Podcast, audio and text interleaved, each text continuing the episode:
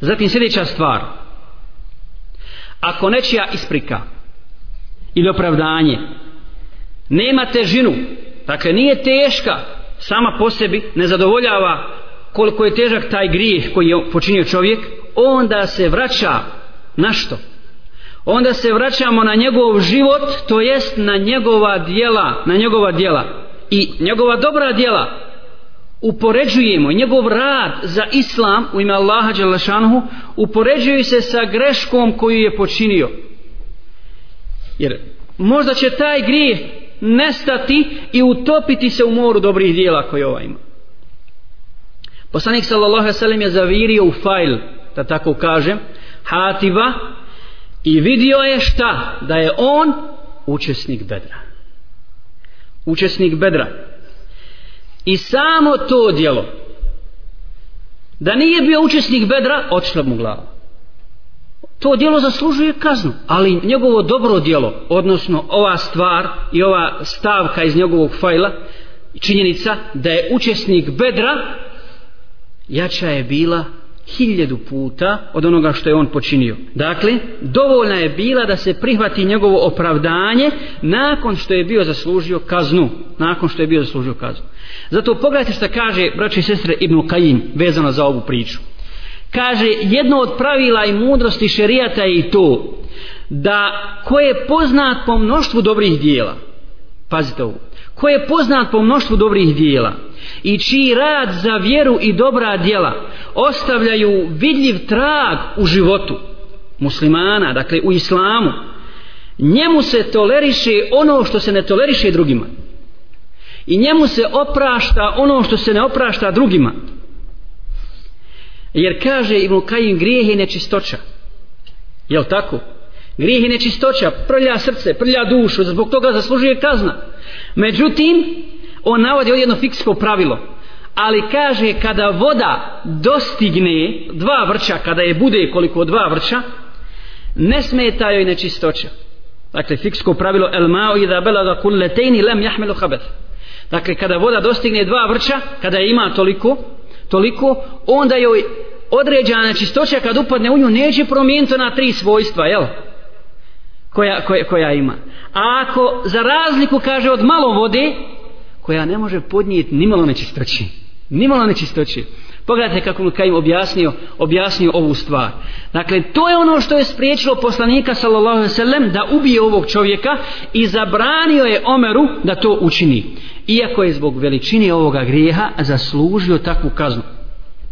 Međutim, veličina dobrog dijela koje se zove učesnik bedra, poništo je tu kaznu.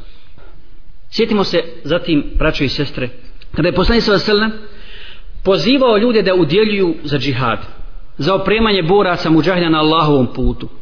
Kada je Osman radijallahu ta'ala an došao sa onim čim je došao, koliko je udjelio Osman? Opremio je trećinu vojske Osman radijallahu ta'ala an na Tebuk. Šta je rekao poslanik sa selna? Neće štetiti Osmanu šta god učini poslije ovoga neće štetiti Osmanu šta god učini posle ovoga. Jel to znači da ljudi takve vrste koji čine toliko dobra djela kao što je Osman radijalno, kao što je Hatvir ibn Abi Beltat koji je bio učesnik Bedra, da oni imaju primat nad ostalim vjernicima? Ne, nego s tako dobrim djelima, s takvom žrtvom za islam. Zar je moguće da će Osman posle toga uraditi drugo osim dobro djelo? Zar je moguće da će poslije takvog dobrog djela činiti ista drugo osim također dobra djela koja će biti manja ili veća od, od ovoga što je učinio? Uz grijehe normalno koje će činiti. Ali ti grijesi koje bude učinio kad se budu izvagali sa ovim što je uradio su ništavni. Su ništavni. Oni se istope. Dakle, također kada je Talha štitio poslanika sa svojim tijelom svojim toliko da ga je skoro potpuno bio zaklonio, bio je sav izranjan. Šta je rekao poslan sve sellem? Talhi je oba, obavezan nagrad. On je već zaslužio nagradu na ahiretu. Već je zaslužio nagradu samim tim svojim činom, svojim dijelom. Što je bio spreman da žrtvuje sebe da bi poslan sve sellem ostao, ostao živ. Zatim, ne samo ovo obraćanje, nego islamski učenjaci spominju u slučaj Musa alaihi selama. Jer ima, bilo je u ovome ummetu, nekakvih filozofa koji su pokušavali čak da govoreći o čovjeku, njegovim slabostima, njegovim mahanama, njegovim mahanama, da uzmu, ne uzmu, bila je čak Musa i Salama kao prije. Pa jedan put se kada srdio, pa tražio Allaha oprost, ubio čovjeka pa je rekao neću više, pa ponovo se to desilo i tako dalje, što govori, što govori dakle o naravi i biti, odnosno prirodi, prirodi samog insana. Međutim, islamski učenjaci drugačije tretiraju ovu stvar. Musa alaih selam, baca ploče na kojima je objava od Allaha Đelešanu. Je, je li istina to ili nije? Istina. Razgovara sa Allahom ili rekli bismo raspravlja sa Allahom o, kad je poslanik sa bio na Isra i Mirađu. Pa kaže, zar je moguće da mladić koji dolazi posle mene ima više sledbenika u džennetu nego ja? Pa vuče svog brata Haruna kad je došao, kad je vidio što je upao njegov narod, za bradu i za kosu, srdit, ljut, i tako dalje šta znači ti postupci njegovi zar i njegova srđba i basanje ploči nije bilo ime Allaha Đelešanu je li nije ja šta je vidio njegov se narod vratio u kufr vratio se u širk subhanallah i on je toliko se bio izgubio zbog toga toliko mu bilo teško da je zaboravio što drži u svojim rukama jer je Haruna ostavio za svog zamjenika da vidi šta je zbog čega zbog čega je dozvolio da narod skrene u širki ostavi Allahu vjeru dakle sve to ništa ne znači dakle i ne umanjuje njegovu vrijednost kod Allaha Đalešanu, kod Allaha Subhanahu Wa Ta'ala. U odnosu na ono što je uradio Musa A.S. kao Allahov poslanik. Zatim, u odnosu na neprijatelja kome se suprostavio, to je faraon koji govori za sebe da je Bog. Zatim, strpljivost njegova u davi. Strpljivost na jezijećenju od koga? Od naroda koga on izveo na pravi put Allahovu volju. Šta je se od tog naroda trpio? Od židova? Zamislite kako je bilo Musa u različitosti sa židovima. Wallahi, Danas suđu u vjeru, sutra iziđu iz vjere. Milijarde razloga nađu, odoš, ne ima i nigdje. On ode da primi objavu, vrati se oni zlatno telo obožavaju. Spasio i faraona, izbavio i, i posle toga ga opet živjeti. Treba ući u Palestinu, treba ući u svetu u zemlju. Oni mu kao, ite ti, tvoj Bog, borite se. Kad pobjedite, e, zovite nas, mi ćemo onda doći, doći da uđemo u Palestinu. I valjalo je sve to izdržati. Zato poslanica sam kao nek se Allah smiluje, kada su njega jezijetili, neka se Allah smiluje mom bratu Musa, on je bio gore jezijećen gore izvećan one pa je pa je izdržao zato on spada u poslanika koji su ulul azm ulul azm dakle poslanici koji su imali najveću zadaću dakle te sitnice nisu ostale traga na ona djela koja je on uradio ne znači ništa u odnosu na dobra djela koja je uradio vjerujte da i kod običnih ljudi tako koji su pravedni koji su pravedni i pošteni zaista kod mene jest tako kod nas kad znamo čovjeka poznat je kao dobročinitelj, poznat je kao dobar vjernik, koji se boji Allaha i pokorava se Allahu, ako učini neku grešku i ako zna, a ja znam, kao što mnoga vraća znaju e, za greške neki, nekih od nas, jel tako? Znam za njegov prijestup, javno ga ne čini, ne ponavlja ga i tako dalje, ali desila se greška, u mojim očima je zaista malena.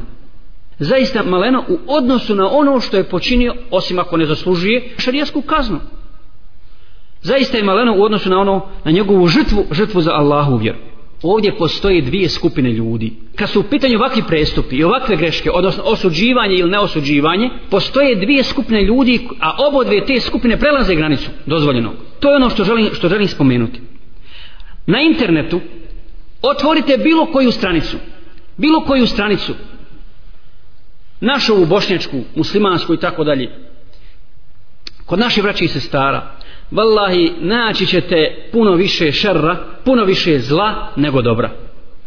Puno više zla, posebno kad su u pitanju nekakvi forumi, nekakve rasprave i tako dalje. Hem što se ne zna voditi rasprava, što se tu vrijeđaju ličnosti ljudi, muslimana, što se napadaju, iznose, klebetaju se muslimani, ružne riječi se govore o njima i čak za grijehi, za prestupe za koji ja znam da se ti počinio prije pet godina, ja ću ti iznijeti tu na na tom forumu i kazat ako si ti mene nek, na neki način napoj tako dalje ako vrijeđaš e, moju organizaciju moj džemat subhanallah ja sam jedno večer otvorio samo nekoliko tih stranica i zaibretio se i kažem ja rab zaista je ovo fitna zaista je ovo fitneluk i fesad se širi preko tog interneta na takav način da Allah sačuva da Allah sačuva i kidaju se bratske veze kidaju se bratske veze pucaju ko ledenice Zaista jesu, zaista jesu. I stvara se mržnja, a u to sam se uvjerio. U to, ne samo preko interneta se uvjerio, nego u stvarnom životu. Kod onih koji posjećuju te stranice, a koji su u različitim džematima. Zaista se stvara, stvara velika mržnja. Evo ti skupina. Prva skupina. Skupina koja ističe kad nađe Ja sam u jednom džematu, ti si u drugom. Ja sam u jednom organizaciji, ti si u drugoj. Kad nađem grešku kod tebe, koji si počinio, a znam da također posjećuješ ti internet, a mi smo se prije toga zamirili. Čekao sam te. Ja sam to čekao ko ozebu sunce. I odma iznosim, ne vidim ništa od dobra koje si ti uradio. Sve to pada u vodu. Sve to pada u vodu. Wallahi je to zulum nad zulumima. Nepravda nad nepravdom. To je najveća nepravda. Na Dunjaluku, poslije, poslije širka prema Allahu Đelešanu tako blatit muslimana i zaboravit sva njegova dobra djela da te potpuno zaslijepi tvoja mržnja ili zavidnost i tako dalje gdje je tu iman gdje je tu iman i samo se to ističe samo se to ističe i ne samo da se ističe tu nego se širi nego se širi i ako ja znam neku tajnu tajnu neku iz određenog džemata iz kojeg sam otišao u drugi džemat odnosno sa nekom drugom raju, sa nekom drugom raju, ja ću kasnije to prenositi sve što znam, sve što znam iz tog džema, odnosno o određenim ličnostima koje ja poznajem. Koje ja poznajem. Wallahi, taj čovjek ili ti ljudi, braća i sestre koji tako postupaju, tako mi Allaha ne mogu mirno zaspat. Ne mogu mirno zaspat, ne mogu mirno leći. Ne samo što puno boravi na tom internetu, nego i zbog onoga što radi, što radi i što pišu i što govori makar bila istina to što su napisali o određenom bratu ili sestri makar bila istina ali iznositi samo to a zaboravljati zaboravljati ostale stvari ostale vjerujte napadaju se napadaju se braća odnosno ljudi koji su zaista ono ono što kaže remz džihada, dave, ove, ove sahve koja je kod nas u, u, u Bosni, simboli te dave, na takav način da nema apsolutno nikakvog respekta. Nikakvog respekta. I više bi čovjek imao respekta puno, meni se čini, prema nekom koji druge vjere, nego ne, ovi ljudi koji pišu na takav način govore protiv, protiv svojih braća muslimana. Jer braćo i sestre, kada bi se zbog pojedinačnih grešaka, makoliko bile velike u ovom današnjem našem vremenu, kada bi se zbog pojedinačnih grešaka odbacili ljudi u cijelini i sva njihova dobra djela, pa gdje bi bila nauka? Gdje bi bila nauka? Ko to od islamskih učenjaka, od islamskih velikana, koje mi poznajemo i one koje ne poznajemo od imama Buharije, muslima e, šeha Albanija, Ibn Tejmije i tako dalje, us naših savremenika ko to nema grešaka ko to nema grešaka kada bismo ulazili u detalje u detalje i spominjali najsitnije greške, najsitnije, na, na, najsitnije detalje iz života pa ne bi imali onda koga slijediti ne bi imali na koga pozvati Ne bi imali ni jedan kitab, ni jednu knjigu, ni iz hadisa, ni iz tefsira uzeti i kazati, vala, ovo je sto posto čist čovjek, nema kod njega nikakvog grija. Ni u akidi nema grešaka, ni najsitniji, vezani za ješarijsku akidu, za Allahova svojstva, za ovo, nikakvi kod njega grešaka nema. Ne bi imali koga uzeti. Ne bi imali koga uzeti.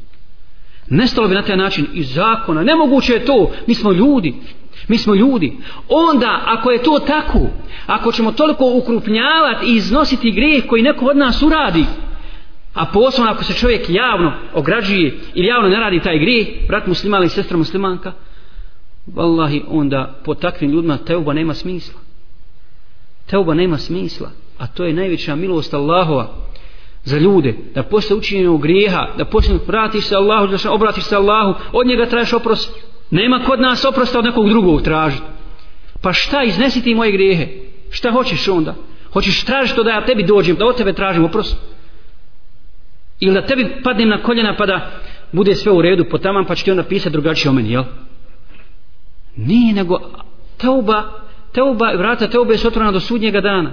Do su, do, ili dok duša ne dođe do grkljena.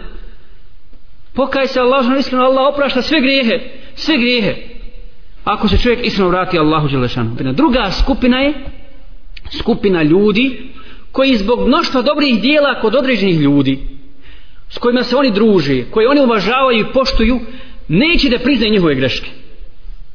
Kad makar i javno, javno činili, javno činili, opravdavaju ih, opravdavaju ih i brani. Isto tako zulum.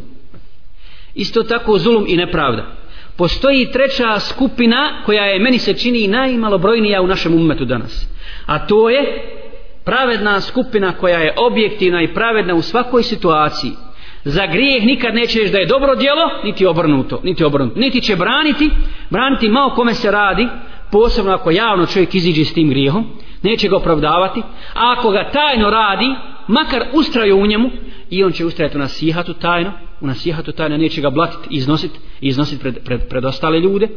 Ako ga radi javno, dakle, priznaće da je to grih. Priznaće da, dakle, to je pravednost i to je, to je objektivnost koja, koja danas nama fali.